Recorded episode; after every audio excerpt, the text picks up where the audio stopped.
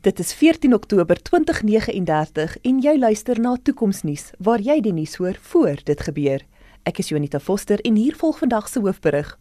Daar was vandag chaos in Kaapstad en die omliggende areas as gevolg van 'n massiewe kragonderbreking.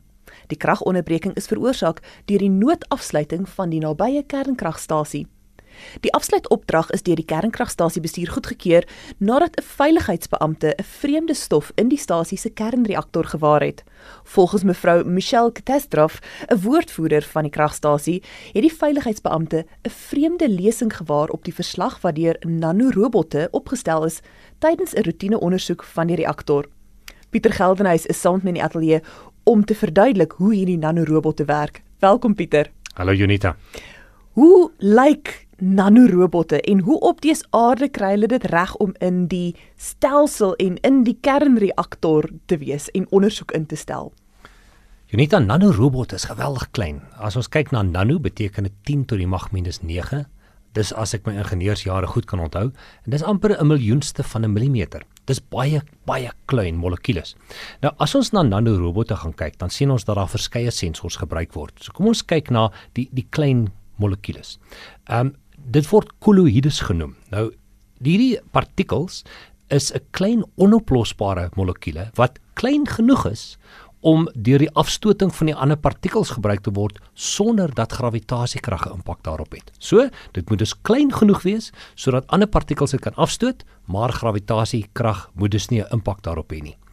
Tweedens, moet dit groot genoeg wees om dus gemeet te kan word as dit aan ander materiale raak of saam met ander materiale saamsmelt. En dit is wat nanorobotte doen. Dis die eerste komponent.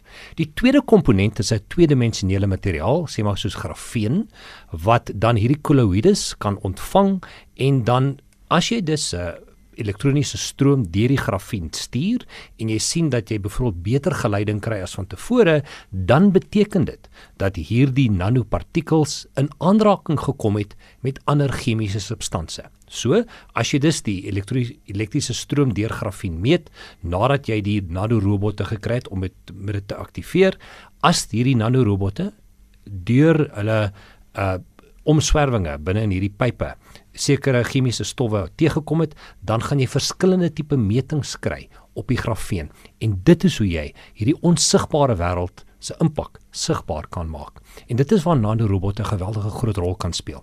Jy kan nanorobotte dis op een punt van 'n pyp instuur as 'n aerosol. Dit gaan dan deur die pyp en indien dit binne in 'n pyp of in 'n stel, pypstelsel met ander chemikalieë in aanraking kom, dan uh, en dit raak dan aan die grafeen kan jy agterkom of daar wel van hierdie chemiese substrate binne die pyp was. Waar word nanorobot tegnologie nog gebruik? Nanotegnologie is ongelooflik wyd. Ons kan sien dat dit gebruik word in die toetsing van nuwe vliegtye ons weet dat op 'n mikroskopiese skaal jy dan sekere skeure kan agterkom binne die materiaal en nanotegnologie kan nie net gebruik word om dit te bepaal nie maar ook reg te maak. So nanotegnologie is geweldig belangrik vir die lugvaartbedryf. Ons sien ook nanotegnologie gebruik in die mediese veld waar jy sekere nanopartikels kan gebruik om kankerselle aan te val. So nanotegnologie is maar op die beginstadium van 'n ongelooflike tog wat werklik ons lewens gaan verryk in die jare wat gaan kom. Baie dankie Pieter. Polisie stel tans ondersoek in om te bepaal of die insident 'n beplande aanval op die kernkragstasie was en of die vreemde stof deur 'n chemiese reaksie in die kernreaktor beland het na die onlangse herstelwerk. Dit was Pieter Geldenhuys en Jonita Foster vir Toekomsnuus waar ons die moontlikhede van die toekoms ondersoek. Om op hoogte te bly van ander tegnologieverwikkelinge reg oor die wêreld, volg gerus die Toekomsnuus Facebookblad.